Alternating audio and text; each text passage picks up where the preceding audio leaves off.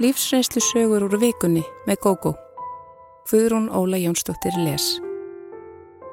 Lífsreynslu sögur vikunar er í bóði úldraktiv magnesiumtablana. Með úldraktiv magnesiumtöflunum færðu meira út úr deginum, aukna orku, minni vöðvaþreitu og betri svefn. Úldraktiv magnesiumtöflunar fást í öllum helstu apotekum landsins. Með harður í hendi. Ég var alltaf hrætt við móður mína. Hún var nánast stöðugt í brjáluði skapi sem hún let bytna á allri fjölskyldunni. Ég var að verða færtug þegar ég loks komst að ástæðinu fyrir því.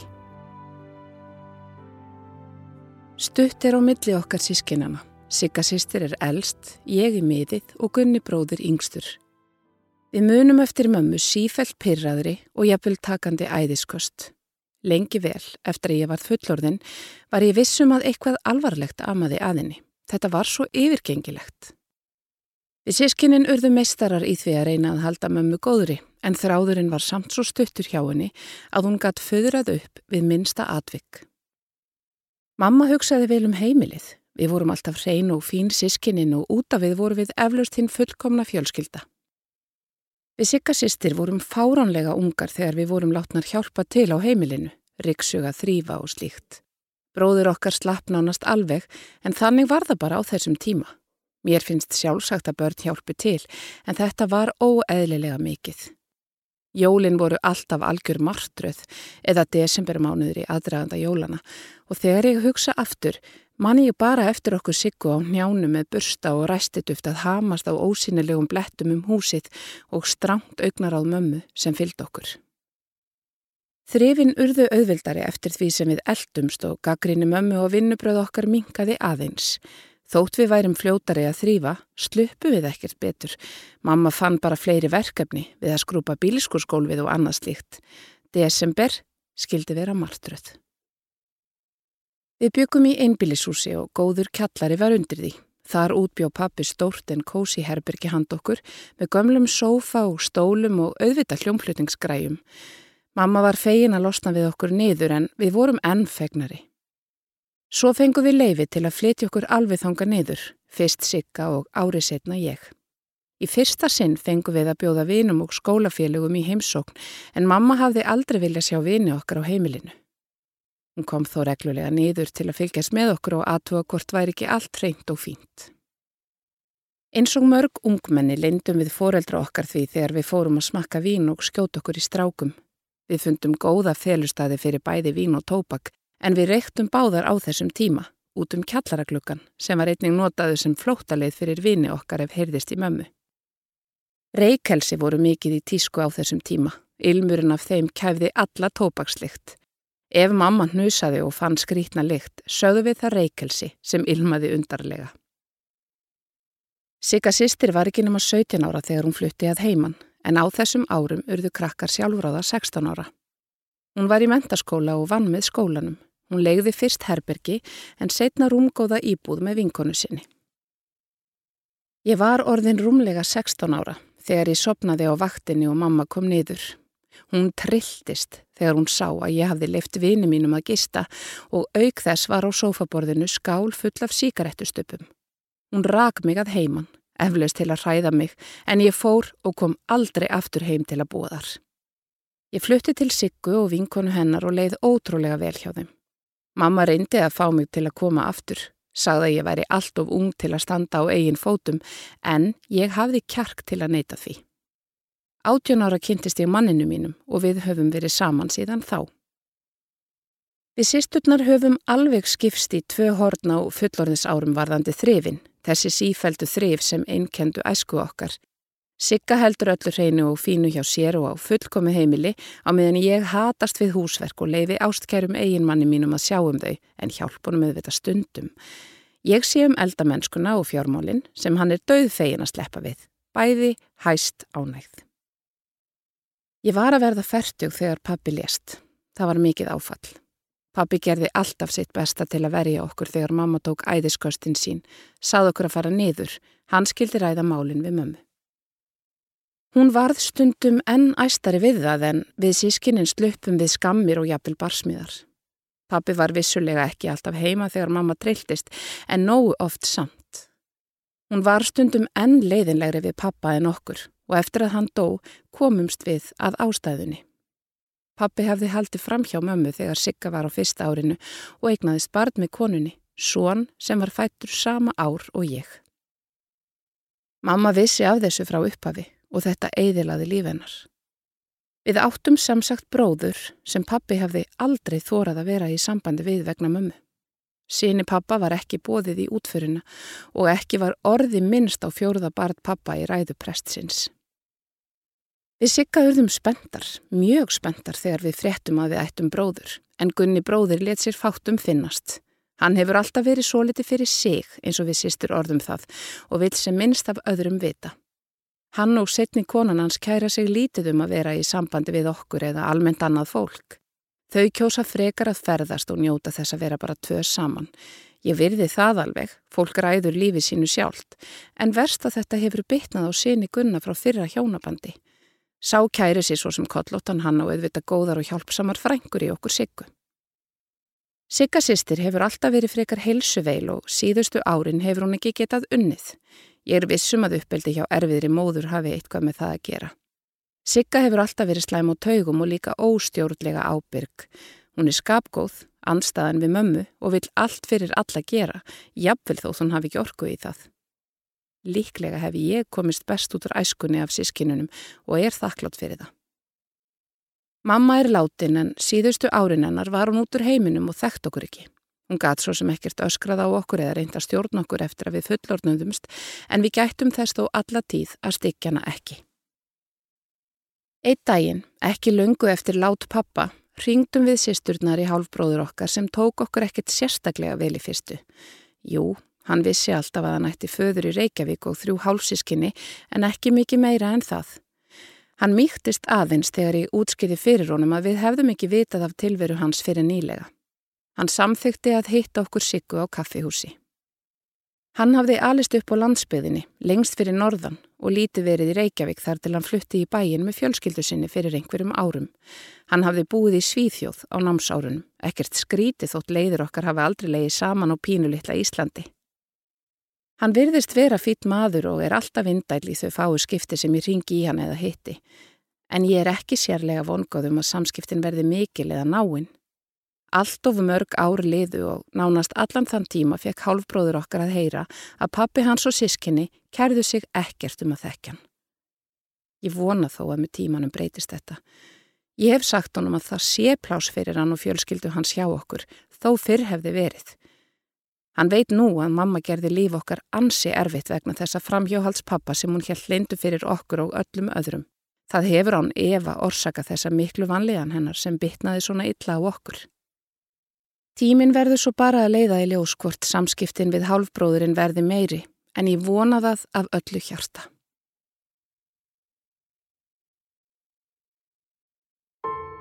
Nú er villi búin að taka niður ringin. Fyrir fimm árum reði ég mig vinnu hjá litlu en stöndugu fyrirtæki. Ég kunni vel við mig að því undanskildu að næsti yfirmaður minn, Villi, var eiginlega óþólandi. Okkur gekk ágætlega að vinna saman en sjálf hverfur personuleikin og yfirgangur hans kakvart mér og öðrum reyndi stundum á þólinnmæðina. Svo komst ég að því hver konan hans var.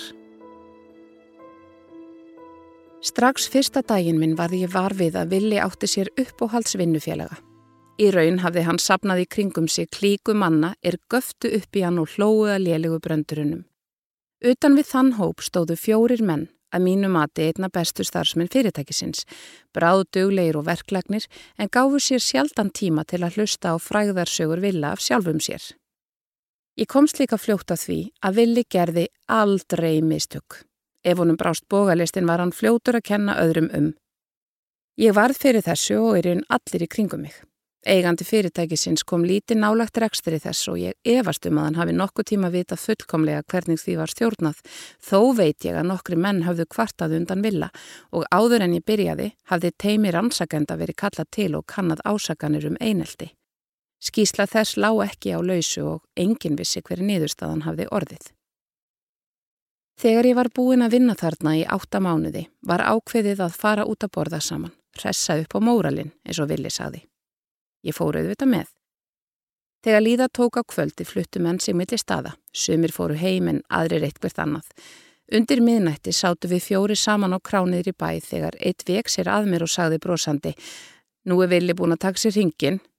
Ég leiti upp og sá að Vili stóði barinn og var að spjalla við unga konu. Jæja, saði ég, er hann gætn á þetta? Vinnufélagin skelliló og hófa að segja mér ótal sögur að framhjóhaldi Vila. Hann hafði gaman af að bóða til vinnustæðapartía sem öll voru honum vettfangur og tækifæri til að halda framhjá. Af og til þurftu menn líka að fara utan á ráðstefnir og fleira og þá var villi í essinu sínu. Ég heyrði utan af mér að hann hefði átt í langtíma sambandi við konu í Kaupmannahöfn og tekið með sér viðhöld í utanlandsferðir. Genginu fannst auðvitað ekkert aðtugavert við þetta En tveir vinnufélagar mínir er stóðu utan þess, sögðu mér að þeim liði ofta rosalega illa þegar konunans vilja væri að spyrja eftir honum og þeir vissu að hann væri á einhverju kvennafari. Ég verða að segja að ekki jógst álit mitt á vilja við þessar fréttir. Nokkru síðar komað ársátið fyrirtækisins og þá voru makar með. Mér brá ekki líti þegar ég sá konunans vilja. Þetta var gömul skólasýstir mín einn fallegasta og indalasta stúlka sem ég hef kynst. Í mörg ár var í skotin í henni, en var rosalega feimin úlingur og þorðið því ekkert að segja. Það var virkilega gaman að hitta hana þetta kvöld og við spjöldluðum mikið saman. Hún var ekkert síður glæsileg fullorðin kona en úlingstúlka og ég skildi ekkert af hverju villi fann hjá sér þörf til að halda stöðugt fram hjá henni. Hann var hins vegar greinilega mjög afbreyðisamur eiginmaður og var augljóslega ekki vel við samtöl okkar og hversu vel fór á með okkur. Ársáttíðin var haldin á hóteli út á landi og þetta kvöld drakk villi ótæpilega. Undir miðnætti hjálpuðum, ég og einn annar úr hópnum, konunni hans að komunum í rúmið. Ég stakk upp á að hún kemi niður og heldi áfram að skemta sér með okkur. Hún neytaði því og kannski var það eins gott, því ég veit ekki hvað ég hefði gert ef hún hefði samtíkt það. Á þessum tímapunkti var ég búin að fá yfir mig nóg að vilja og fannst hegðun hans ekki gefa tilefni til að ég virti hann á nokkurn hátt. Eftir þetta gengu dagarnir sinn vanagang og ég held áfram að mæta í vinnuna og reyna að leiða yfirmannin minn hjá mér eins og hægt var. Villi var hins vegar samur við sig og held áfram að nýðast á sumum en hampa öðrum. Svo kom nýr starfsmæður. Sá var ósköp einföld sál, elskulegur og hörkuduglegur í vinnu en átti mjög erfitt með að skilja kaltæðni og auðvelt var að flækjam þannig í samræðum að hann leti eitthvað heimskulegt út úr sér. Þetta varð fljótlega helsta skemmtun gengisins hans villa. Sjálfur tók hann ekki beinleinis þátt í þessu en satt hjá og hló þegar nýja manninum varð fótaskortur á einhvern hátt. Eitt sinn mætti nýliðin í vinnuna á skínandi nýju móturhjóli og allir hópuðust út og dáðust að gripnum. Dægin eftir kom hann hins vegar gangandi og þegar gengi var á hann komi ljós að hann hafði kyrt upp á gangstéttarkant á heimliðin úr vinnunni, steifstum koll og hjólið skemst mikið. Næstu mánuði var þetta slís aðal umræðu efnið á kaffistofunni. Villa gengið fann alltaf nýja og nýja hlið á brandarannum sem óhafi varð í þeirra meðförum. Þegar þarna var komið sögu var ég búin að fá nóg. Ég sagði upp vinnunni og fekk fljótlega stöðu hjá fyrirtæki í sama geira. Þar komst ég að því að Vili var þektur í bransanum og ekki af góðu. Sjálfs ánægja hans og ofur trú á sjálfan sig þekkt, sem og hæfileiki hans til að koma ávalt sög yfir á aðra þegar miður fór hjá honum. Ég var mjög fegin að komast að þessu því það síndi mér svart á kvítu að ég hafði ekki dæmt vila að ósegju. Lífið helt áfram og ég leiti sjaldan hugan að gamla vinnustæðinu mínum. Ég hafði hins vegar sendt gömlu skólasistur minni vinabeðni á Facebook og hún samþygt. Ég sá því af og til myndir af henni og villa, börnunum þeirra á stundum gömlu vinnufélugunum. Fyrir tveimur mánuðum setti hún hins vegar status á síðuna sína og sagði að nú væru þau villi skilin. Ég fann að það glatti mig ósegjanlega en samt kunni ég ekki við að setja mig í samband við hana alveg strax. Ég beigð því í þrjár vikur en sendinni svo skilabóð. Við höfum verið að spjalla saman síðan og hýst nokkrum sinnum í kaffi. Ekkert meira hefur gerst enn vegna þess að skólasýstir mín er í sárum eftir skilnaðin. Hún komst að framhjóhaldi villa, raunar bara einu tilviki og ég hef ekki enn sagt henni að ég viti að þau hafi verið fleiri. Ég veit ekki hvernig ég á að koma orðum að því og efast stundum um að það sé mitt hlutverk. Vili er á hinbógin alls ekki sáttur við samband okkar og sendir mér reglulega hótanir í SMS eða á netinu. Mér er alveg sama, hann má gapa eins og hann vill. Ég hef aðeins einu sinni svarað honum og sagði þá, þú áttir aldrei skilið að vera í sambúð með svona frábæri konu. Vinkona mín er enni sárum og erfitt með að treysta. Börn hennar og Villa eru líka mjög reið út í pappasinn og það hefur gengið á ímsu vegna þess. Eldri börnin neitað hittan en hann hefur, í samræmi við kúunar eðli sitt, reynda neyðaðu til þess. Elsta barnið er 17 ára og hann getur því ekkert gerð hvað það varðar en hinn tvö eru yngri og Vili hefur hótað öllu yllu komuðu ekki til hans aðra hvora helgi. Hann notar þau einnig miskuna löst til að kvelja fyrir um eiginkonu sína með andstyggilegum símtölum, alls konar ásökunum og töði undir því yfirskinni að hann sé umhyggjusamur fadir sem vilji vera hluti af lífið barnana sinna. Hún hefur sagt mér að hún hefði verið mjög þakklátt ef hann hefði sínt, þótt ekki væri nema brot af þessum áhuga þegar þau byggu saman. Ég veit að ég er ástfangin að þessari konu og er tilbúin að býða þar til henni hendar að taka upp samband við mig. Hún veit að núna því ég er ekki lengur feimin úlingur og þorði þess vegna henni það. Sjálfur á ég sömur einslu að baki. Ég var í sambúði sex ár með konu sem hjælt fram hjá mér. Þegar uppkomst um svikin vildi hún halda hjónabandinu áfram og fara í ráðgjöf.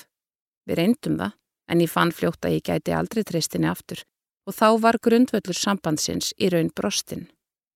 Hún er ágætt manniska en gerði mistök. Vili er aftur á móti lítils virði að mínum mati og ég vona sannlega að þessi gamla skólasistir mín og vinkona sjáu það sem allra fyrst. Getur ekki samglaðst mér. Vinkona mín frá barnæsku hefur alltaf verið fyrsta manniskan á vettvang þegar eitthvað slæmt gerist hjá mér en bregst öðruvísi við þegar vel gengur. Við freyja kynntumst í grunnskóla og erum saman í stórum vinkvennahópi sem hefur haldið saman í áratögi. Við gerum okkur oft glaðan dag og þóttu séum allar komnar með börn og flestar með maka, gerum við okkur oft glaðan dag saman Árlega förum við saman í sömarbústaði yfir helgi, hittumst hver hjá annari mánadarlega í nokkus konar sömaklubbi og sláum saman í brúðargefir, sængurgefir og slíktegar tilefni hafa verið til. Lengi vel heldum við freyja meira sambandi en hópurinn gerði og hittumst bara tvær, en það hefur breyst á síðustu árum. Við vinkonurnar fórum allar í framhaldsskóla og kvöttum hver aðra áfram í náminu. Mér fannst ótrúlega gott að hafa þessa kvartningu því það kom alveg fyrir að mér langaði til að hætta, fara að vinna og geta kipt mér föt og snirtifurur að vild. Við freyja fórum í sama mentaskólan en hinar dreifðust um höfuborgarsvæðið. Ekki var bekkarkerfi í þeim skóla og við völdum ólíkar námskreinar svo við vorum ekki jafn mikið saman og í grunnskólanum. Mér gekk vel í náminu þrátt fyrir leiðan sem kom stundum yfir mig og fann að Freyja var heldur ekki alltaf ánægð, sérstaklega undir lokin, því hún skipti yðurlega um greinar í byrju nýrar annars. Við vorum í raun báðar óákveðnar með hvað við vildum verða í framtíðinni. Þegar ár var eftir af mentaskólanum varð Freyja ólétt og tók sér frí frá námi. Hún fekk enga aðstóð frá fóruldrum sínum til að halda áfram í skólanum eins og hún vonaði og barsfæðirinn let sér nánast hverfa. Þegar Bart Freyju var í kringum einsás hitti hún indalan mann sem hún fór að búa með. Sambúðin gekk í fjögur eða fimm ár en þá fór maðurinn frá henni og ég fretti að Freyja hefði verið mjög vond við hann. Það var ekki fyrir nefti skilnaðin sem hún dreif sig aftur í skóla og tók stúdansprófið. Hún fór síðan í háskólanám og lauk því með sóma. Á háskóla árunum kynntist hún manni sínum sem hún er gift í dag. Hún rétt náði að útskrifast áður en barnið þeirra kom í heiminn. Á þessum tíma var ég nýlega skilin við barsföður minn og strákurinn okkar er til skiptis hjá okkur viku í senn. Það fyrirkomulag hefur hendað öllum vel enda búum við í sama hverfinu. Skilnaðurinn var erfiður og Freyja umvafði mig og hjálpaði mér algjörlega í gegnum þetta allt saman, eins og reyndar allur vinkvennahópurinn líka. Þegar mamma dó var það sama sagan. Freyja var ótrúlega hjálpleg og indislega á allanhátt. Við látum ömmu fekk ég umtalsverðan arf sem gerði mér kleift að kaupa mér stærra húsnæði. Ég átti fína íbúð sem ég hafði keift áður en húsnæðisverðið hækkaði upp úr öllu valdi. Nú langaði mig í einbili, helst kósi timburhús á þremur hæðumis og húsi sem ég ólst upp í. Á meðan ég leitaði að slíku húsi opnuðust fyrst augum mín almennilega fyrir leiðindunum í Freyju sem meðal annars fann timburhúsum flest til fóráttu. Hún talaði eins og svo sem vitið hefur og ég fann að ánægja mín varð svo liti blendin þegar ég loks fann draumahúsið og sagðinni frá því. Henni tókst að slá mig út af læginu, að minnstakosti þann daginn. Skömmu eftir að ég flutti inn hitti ég indalan mann sem ég varð ansir hrifin af. Þegar ég hitti stelpuna næst sagði ég þeim frá því og síndi þeim myndafunum. Þær rópuðu upp yfir sig og fannst hann ótrúlega sætur en Freyja sagði stríðnislega Þú heldur þig alltaf við sömu típurnar. Þessi er alveg eins og þinn fyrverandi. En þú ert fín í þessum stuttu sambundum. Við lóum allar en mér var samt ekki skemmt því ég var orðin meðvituð um þetta. Ég gatt rifjað upp sitt af hverju. Til dæmis hvernig Freyju hafi oft tekist að eiðilegja gleði mína yfir góðum engunum í skólanum, gerði mig óttarsleikna á meðgöngunni, það væri svo sárt að eignast barn og fleira og fleira. Hún hafði lag á að láta meinlegar aðtúarsemtir falla en setti þar samt yfirleitt í fyndin búning þannig að þeir sem heyrðu hlóu bara að fyndninni. Ég áttaði mig líka á því að hún síndi hinum vinkonunum ekki þessa framkomu. Mér fannst erfitt að minnast á þetta við Freyju, góðu vinkonuna sem vildi mér alltaf svo vel. Eða hvað? Ég fann alltaf réttu svörin við aðtúarsemdum hennar löngu setna og var fúl út í sjálfa mig fyrir að leifin að komast upp með þetta. Mér fannst ekki rétt að tala um þetta við vinkvennahópin. Við rættum sjálfnast um fjárstatar vinkonur nema ef átti að koma þeim á óvart vegna afmælis gæsapartís eða annara skemmtilegra hluta. Þetta var meira óáþreifanlegt og eflaust tækju þar ekki eftir þessu. Hún sagði orð sem stungu en lengst af leti mér þau í léttur úmilikja. Ég held líka lengst af að hún væri að grínast. Þegar ég bauð hópnum í fyrstu heimsóknina til að skoða húsi mitt, sögðu þær allar eitthvað fallegt um það, enda mjög sætt hús. En það eina sem Freyja sagði var að hún fengi innilókunarkendar og spurði svo hvort ég ætlaði öruglega ekki að skipta um eldúsinnrettingu. Ég held nú ekki, sagði brosandi að mér finnist þessi gamla innretting algjört æði. Freyja leta ekki eitt hrósirði falla um húsið. Auðvitað bara en engin skilda til þess, en ef ég hefði ekki verið orðin meðvituð um hvernig hún létt, hefði ég eflust ekki tekið eftir því. Ég áttaði mig á því um svipa leiti að ég var steinhætt að ringja í freyju og bjóðinni heimsókn. Ég hafði verið í einna mestum samskiptu við hann af öllum hópnum, en nú var ég óavitandi farin að forðast hana. Það kom þó ekki í vekk fyrir að hún byrti stöku sinnum ef hún átti leið hjá. Þótt hún segði það ekki, fannst mér eins og hún væri óhamingisum og það síndist mér líka á manninum hennar í þau fáu skipti sem ég hitti hann. Þó fannst mér það ekki geta verið ástæðan fyrir framkomu freyju. Hún hafði alltaf látið svona gagvart mér, eins og hún vildi á einhvern hátt reyna að halda mér niðri. Það hefði verið gott að geta rætt þetta við einhvern, þótt að fengis kannski ekki niðurstaða út úr því. Ég ákvaða að hafa sambandi við freyju í lámarki, vera indal við hana, en nú ætlaði ég að svarin í fullum hálsi ef hún leti neikvæð orðfalla. Fyrst hugsaði ég með mér að svarin í kvikindislegu gríni, en svo fannst mér ekki rétt að fara niður á hennar plan. Tækifæri til að svarin í gafst fyrir mig grunnaði. Ég hafði bóði stelpunum heim og sagði þeim yfir kaffi og kökum að ég væri að hugsa um að bæta við mig mentun. Mér langaði að breyta til og nú væri gott tækifæri til þess. Þú veist að það er mikil starfræði í þess er það ekki, sagði Freyja og bætti við. Þér fannst hún nú aldrei neitt skemmtilega við mann það rétt. Ekki rétt muna hjá þér, ég elskar starfræði, svaraði ég um hæl. Skömmu setna byrjaði hún aftur. Þú veist að þetta verður göðvelt, það er svo langt séðan þú varst í skóla. Mér finnst þetta eiginlega fráleit hugmynd hjá þér. Áður en ég gætt svaraðinni, sagði ein vinkonan í hópnum, Vá, maður þarf ekki óvinni þegar maður á svona vini. Engin okkar hló og ég áttaði mig allt í hún á því að vinkonunar höfðu tekið eftir þessu líka en það gætt hún þess ekki jafn vel að segja hlutina við mig í einrúmi eins og yfirleitt áður. Allt í einu var Freyja komin í vörð. Við horfum allar á hana og byðum eftir viðbröðum. Hún varð hissa og síðan reyðilega og svip og sagði síðan hún væri bara reynskilinn. Hún þyldi ekki þegar vinir hennar önuðu út í einhverja vittlisu eins og að fara í skóla þegar þeir væru í fítni vinnu og hefðu það gott. Ég er ekki bara að tala um skólan heldur hvernig þú hefur oft látið. Þú virðist sjá ofsjónum yfir öllu góðu sem gerist hjá Helgu. Í mann hvernig þú lést þegar hún flutti inn í þetta hús. Þú varst svo eina sem ekki samklættist henni með það. Hvaða bull er þetta? var svar Freyju. Svo lóun vandræðarlega og við fórum fljótlega að tala um eitthvað annað. Eftir um hálftíma stökk Freyja á fætur og saðist þurfa að drífa sig heim, sæja okkur síðar. Eftir að hún var farin, þakkaði ég stelpunum kærlega fyrir stuðningin. Sagði þeim að ég hefði aldrei vilja ræða þetta við þær því Freyja væri góð vinkona en bara þegar eitthvað amaði að. Þær tóku undir það og sögðust að hafa tekið eftir þessum undarlegu aðtúasemdum hennar í minn garð og rætt sín á milli. Freyja hætti alfarið að láta svona við mig og fyrst í stað komst hún sjaldan til að hitt okkur hópin. En einhverja hlutavegna getur hún enn ekki samklaðst mér þegar vel gengur og ekki hefur reynd á hitt. Hún óskaði mér þó innilega til hamingi þegar ég útskrifaðast úr náminu og bauðin í útskriftavisluna. Við sjáum storði bara í hópi vinkvenn okkar því hún er hætt að mæta í heimsók til mín eða ringja og satt best að segja, sakna ég þess lítið.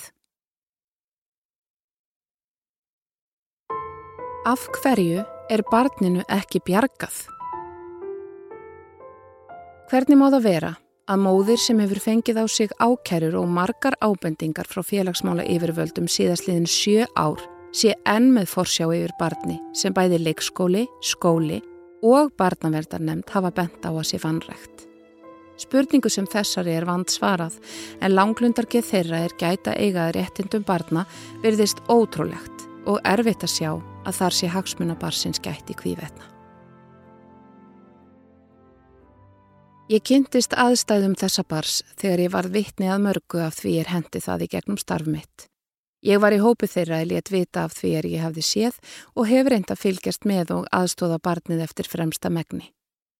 Það er þó lítið sem maður getur gert þegar móðurinn bregst ókvæða við öllum leiðbynningum og tilbóðum um aðstóð. Hún hefur engan áhuga á að tala við neitt nú, telur sig ekki þurfa hjálp. Að hennar mati eru afskipti annara það eina sem að er í hennar lífi. Barnið sem umræðir sínir augljósmerki kvíða og þroskaskerðingar.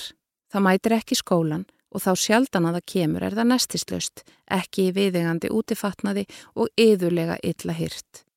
Aldrei er barnið látið læra heima og það fær ekki að fara í afmæli bekkarsískina sinna.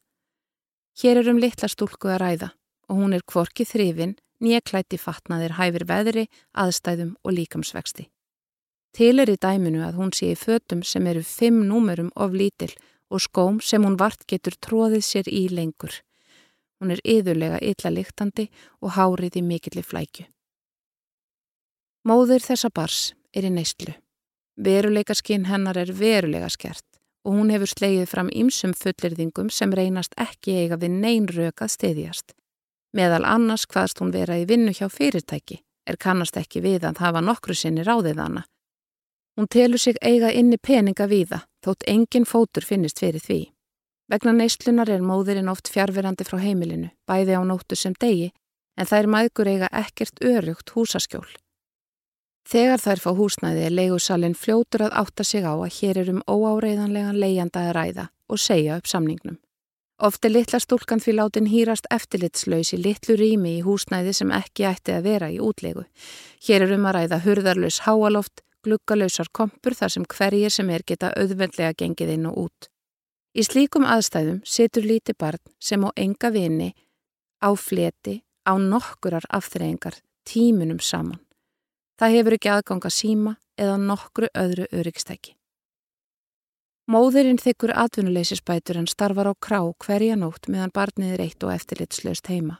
Hún neytir eitulífið daglega í viðurvist bars og mætir ekki á bóðað að fundi barnavendanemdar.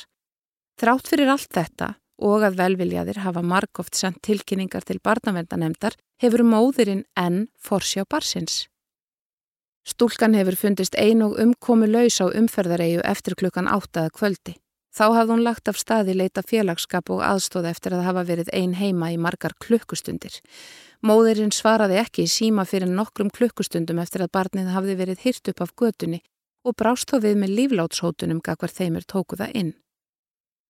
Til eru umsagnir leikskólakennara frá því barnið er á fyrsta ári, er vitna um vanrakslu. Sjö árum síðar er staðan svo sama og móðurinni gefin enda laust tækifæri til að bæta sig. Móðir fyrst, barni svo, verðist vera mott og yfirvalda í þessu tilviki. En spurningin er, er barnið ekki búið að þóla nóg? Ég og nokkrir aðilar óskildir barninu höfum orðið vittni að þessu öllu og leytast við eftir fremsta megni að bæta úr með hjálp yfirvalda en við erum aflaus og megum í raun ekkert gera. Móðurinn er mjög mótsnúin, öllum er einað að skipta sér á nokkurn hátt af aðstæðum þeirra mæðgna og hefur ráðist á fólk með svífyrðingum, hótunum og jafnvel ofbeldi. Þetta vita barnaverðar yfirvöld. Þegar stúlkan var þryggja ára gömul eignaðist hún stjúpmóður sem hófað berjast fyrir að fá forsjá hennar. Svo baróttastendur enn og orð hennar og rauk virðast lítinn hljómgrunn fá í kerfinu. Hún gegst fyrir því að koma stúlkunni í málörfunartíma og sálfræðimatt en móðurinn stöðvaði um svifalaust á vinnu.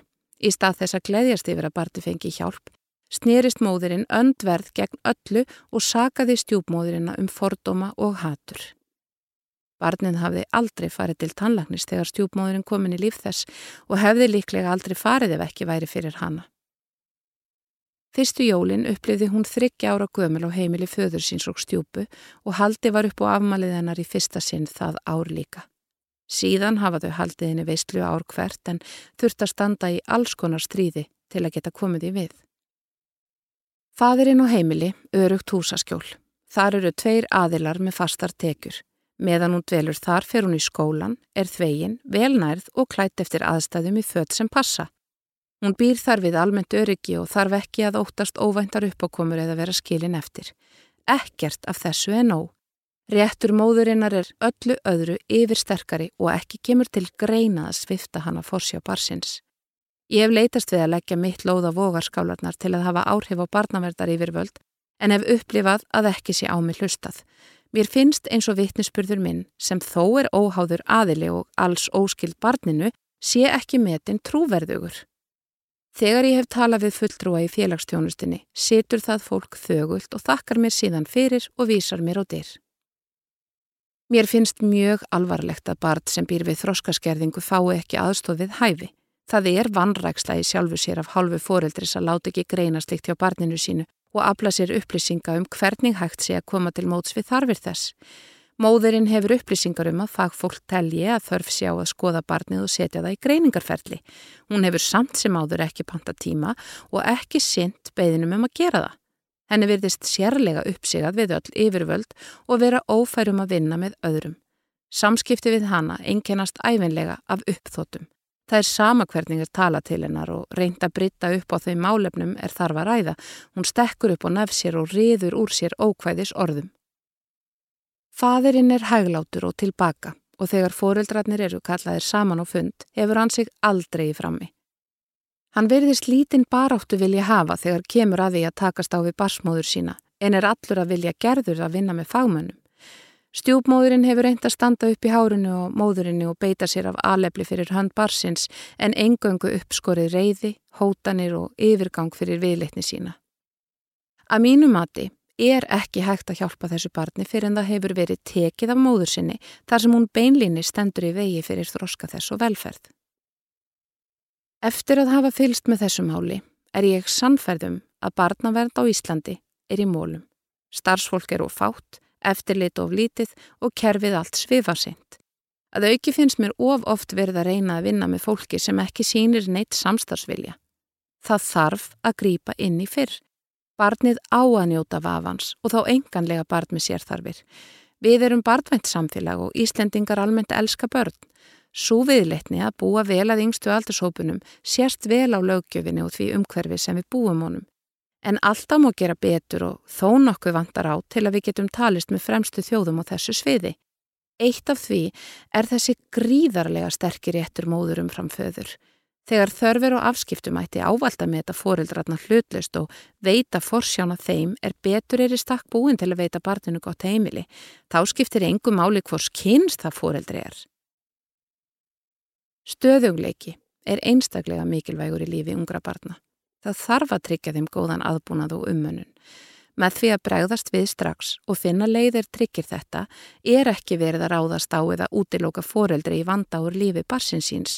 Þvert á móti er verið að gefa því tækifæri til að endurskoða það sem miður hefur farið og byggja sig upp án íþingjandi ábyrðar. Síni foreldri vilja og viðletni er alltaf hægt að endurskoða ákvarðanir og gefa því tækifæri að nýju.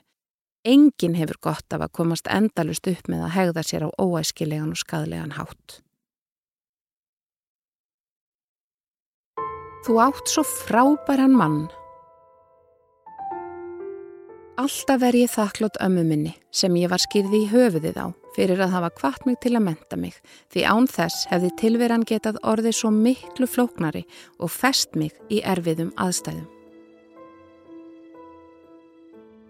Ég hafði verið gift Tomma í tæp tíu ár og við áttum saman sjö ára són. Fyrir átti ég dóttur á úlingsaldri sem Tommi var ekki beint vondur við en ekki sérlega góður við heldur. Hann umbar stelpuna en hún þóldan ekki. Hann hafði þann hæfileika að geta hrifið fólk með sér og ég heitlaðist af honum þegar ég hitt hann, ekki löngu eftir skilnað minn við fyrirmann minn. Tommi hafði háleitar hugmyndir um sjálfan sig og getu sína en það varð einhvern veginn aldrei neitt úr neinu hjá honum. Hann var stjórnsamur og gæti verið snöggur upp á lægið. Smám saman, án þess að ég áttaði mig á því, fór ég að reyna að þóknast honum og halda honum í góðu skapi. Það pyrraði hann alla tíða ég var með meiri mentun en hann og hærri laun. Stundum reyndan að gera lítið úr mér og minni mentun til þess að upphefja sig en ég leti yfirleitt sem ég heyrði það ekki. Mér hafði bóðist flott og mjög velborgað starf á landsbyðinni en mikil eftirspurt var eftir fólki með mína mentun. Fínt einbílishús fylgdi með og við greitum bara málamynda leigu fyrir það. Tommi gætunni hvar sem var, hann var sjálfsins herra, en það þóldan ekki verið undir stjórn annara og hafði nokkrum sinnum mist vinnu vegna samstarfsörðuleika við yfirmenn. Hann var í tölvubransanum en á þessum tíma var nokkur lægði í gangi þar. Nýji staðurinn var ekki mjög langt frá Reykjavík, þar sem við áttum flesta okkar vini og ættingja. Dóttirinn kausa verða eftir og flutti til föður síns og stjúpmóður. Bærin hafði alla kosti smæri bæja og eflu skallana líka en ég upplifði bara góðu hlutina til að byrja með. Mér var afar vel tekið og ef ég hefði ekki verið í svona krefjandi starfi hefði ég eflusgengi í kvennfélagið, kirkjukórin og leikfélagið, svo eitthvað sé nefnt. Þarna hlakkaði ég til að búa, jafnveg lengi, lengi. Í fyrstu var Tommi ekki jafn ánaður og ég. Honum leiðin svo hann væri upp á mig komin, svo hann reyndi á ímsanhátt að gera sig breyðari. Honum fannst hann vera drottningarmadur eins og hann orðaði það og þóttist vera grínast. Honum var ekki skemmt þegar ég kallaði hann karlrempuna með elspitutnar og móti. Hann var frá upphafi í góðum samskiptum við yfirmann minn og hafði magnaður hugmyndur um breytingar á tölvukerfinu sem gætu auðveldað vinnu allra og sparað stór fjö. Yfirmaður minn var afar hrifin af Tomma og hugmyndum hans þótt þetta reyndust auðvita skíaborgir og ekkert varð hún einu. Eitt daginn kifti Tommi gemsa handa mér til að geta haft samband við mig þegar hann þurfti. Hann var orðin þreyttur á því að geta ekki náð í mig þegar hann þurfti þess. Mér fundust gemsarnir algjörir fríðarspillar, þess vegna hafði ég alltaf hummað fram að mér að kaupa eitt slíkan. Ég var alltaf með bóðtæki ef þurfti að ná í mig frá vinnustæðinum. Íðulega glemdi ég að hafa kveikt á gemsanum og hvað þá að hlaðan. Ef ég kom ekki beint heim eftir vinnu átti Tommiða til að leita mín. Bærin var ekki stór og það var fljótlegt að kíkja í maturubúðina, á hárgræslistofuna, pósthúsið og víðar. Hann tók yfirleitt ekki eftir því þegar ég sagði honum, kannski deginum áður eða sama morgun, að ég ætlaði klippingu setnipartin, kaupa inn eða skreppa í heimsókn. Hann fór samt að leitað mér og nýtti sér sjarma sinn til hins ídrasta. Hann bauð hátilega goðan dag þar sem hann kom, rósaði konunum fyrir fegurð og spurði hvort nokkur vissi hvar hans indislega eiginkona væri. Honum tókst alveg að leina því hversu pyrraður hann var út í mig fyrir að vera ekki heima. Konurnar kólfjalli fyrir þessu. Oft fekk ég að heyra, þú átt svo frábæran mann. Íðulega var ég komin heim þegar hann skilaði sér eftir leitina og fekk þá skammir fyrir að hafa ekki kveikt á gemsanum. Hann átti það líka til að heimsækja mikið vinnuna, þótt oftast væri mikið að gera og gestir ekki vel séðir. Ef ég gæti ekki tala við hann vegna Anna, fann hann sér bara einhvern annan Eitt sinn stóð sérlega illa á. Samstarfsmaður okkar hafði látist í slísi og við vorum nýbúin að fretta það. Þegar Tommi heyrði það, reyndi hann að toppa þetta með sögum af enn verri slísum sem hann þekkti til, eins og það væri einhver huggun. Ég var fljóta komunum út. Tommi átti afmæli í lók oktober og ég ákvaða elda uppóhaldsmatina sér tilöfni þess. Við borðuðum eftir að sonurinn sopnaði með rauðvin og kertaljós til hátíðabreyða. Ég tók séðan af borðinu, setti í uppþóttavél og gekk frá og kom aftur inn í stofu. Þar stóð Tommi rauður í framann af reyði og spurði mig hvort ég væri farin að fela fyrir honum postin.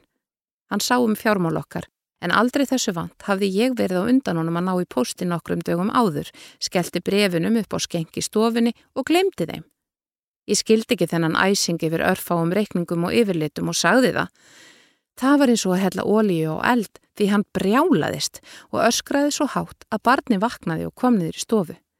Tommi hafði ofta rókið upp í reyði en þessa hliða honum hafði ég aldrei séð áður og varð hrætt. Ég reyndi að fara með drengin því ég vildi ekki að hann erði vitnað þessu. Tommi greip fast í handleikin á mér og hjælt mér á meðan hann hjælt áfram að öskra. Ef þetta hefði verið merkileg bref hefði ég mögulega skilið af hverjan æsti sig en svo var ekki og fáranlegt að missa svona stjórn og skapi sínu. Ég reyfi mig lausa, dreif mig upp með strákin og reynda róan sem tókst eftir langa mæðu. Svo fór ég sjálf í rúmið. Tómi bað mig vissulega afsökunar á þessar uppókomu. Sagði hann hefði verið að býða eftir mikilvægu brefi sem var þó ekki þarna. Hann hefði látið vonbriðin bitna á mér en ég yrði samt að passa mig á því hvar ég setti hlutina. Eftir að hafa hugsað málinn í nokkrar vikur í raun endur metið líf mitt og reyndaræðamálinn við Tomma án árangurs, sagðist ég vilja skilnað. Tommi horfið tómlegum augum á mig og fór að tala um eitthvað allt annað. Jólinn væri að nálgast og hvort við vildum verja þeim þarna eða í bænum. Hann let sem hann heyrði ekki hvað ég sagði, þótt ég endur tækið það nokkrum sinnum. Nokkrum dögum síðar, þegar Tommi var ekki heima, tók ég skyndi ákverðun, pakkaði saman eigum mínum og drengsins og fór á gistihús. Ég ringdi í Tomma, sagði honum að við værum farin og baði honum að yfirgefa húsið. Hann sagði mér að hætti svo ruggli og koma heim, hann ætlaði ekki að reyfa sig. Frettinnar bárust hrattum bæinn. Ég rætti við yfirmann minn nokkrum dögum setna og sagði honum að ég þyrti aðstóð við að koma Tomma út úr húsinu nema vinnan vildi borga gistiheimiliskostnaðin. Yfirmaðurinn var afar kuldalegur. Tommi hafði greinilega rætt við hann og marga aðra. Það komir svo sem ekki óvart. Ritari yfir mann sinns tók mig og eintal skömmu setna og sagðist standa með mér. Hún hefði átt mann sem var ekkert ólíkur Tomma og nánast allir hefðu tekið afstöðu með honum þegar þau skildu. Hún sagði mér að Tommi hefði mætt á staðin og skammast yfir því að það væri allt og mikið vinnuálag á mér. Svo mikið að ég hefði greinilega klikkast og þess vegna yfirgefið hann. Yfirmaðurinn og Tommi hefðu setið lengi á eintali. Það útskýrði líklega framkomi yfirmannsins sem leit mig aldrei réttu auga eftir þetta, enda eflaust fóðuraður á sannfærandi legum.